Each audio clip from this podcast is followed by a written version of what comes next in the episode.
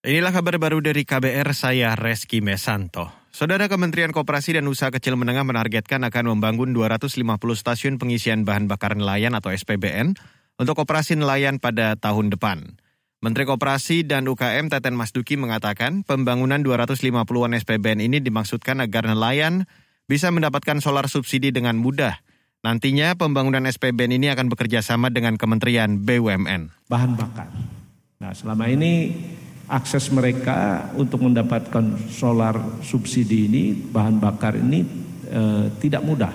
Mereka harus membeli di para pengecer sehingga sebelum kenaikan BBM kemarin mereka sudah membeli solar di atas harga pasar ya antara 10 sampai 12 ribu. Menteri Koperasi dan UKM Taten Masduki mengatakan saat ini baru ada 380-an SPBN dari 11.000 desa nelayan di Indonesia.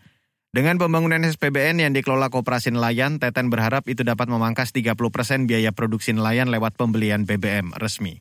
Beralih ke lantai bursa, saudara, perdagangan saham di awal pekan ini memperlihatkan pergerakan positif. Sore ini, indeks harga saham gabungan atau IHSG ditutup menguat 35 poin ke level 6.835 atau naik 0,52 persen dari perdagangan sebelumnya.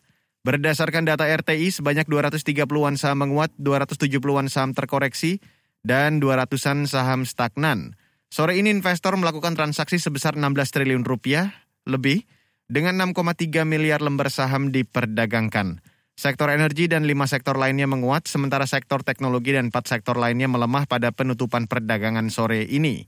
Sementara nilai tukar rupiah masih berada di kisaran 15.583 per satu dolar Amerika Serikat.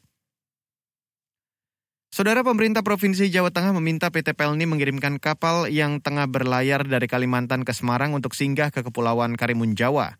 Kapal itu diharapkan bisa mengevakuasi ratusan wisatawan yang terjebak di Pulau Karimun Jawa.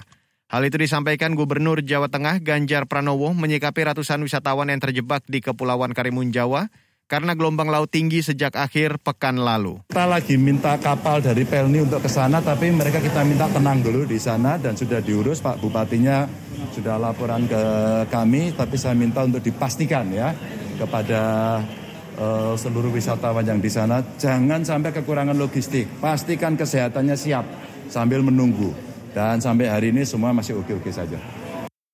Gubernur Jawa Tengah Ganjar Pranowo juga meminta pemerintah Kabupaten Jepara mengecek kesehatan wisatawan saat tiba di Pelabuhan Jepara. Sebelumnya, sekitar 300 wisatawan terjebak di Pulau Karimun Jawa sejak akhir pekan lalu. Mereka tidak bisa pulang karena gelombang tinggi yang melanda perairan itu. Akibatnya, perjalanan kapal penumpang dari dan ke Pelabuhan Jepara tertunda. Demikian kabar baru yang dipersembahkan oleh KBR. Saya Reski Mesanto.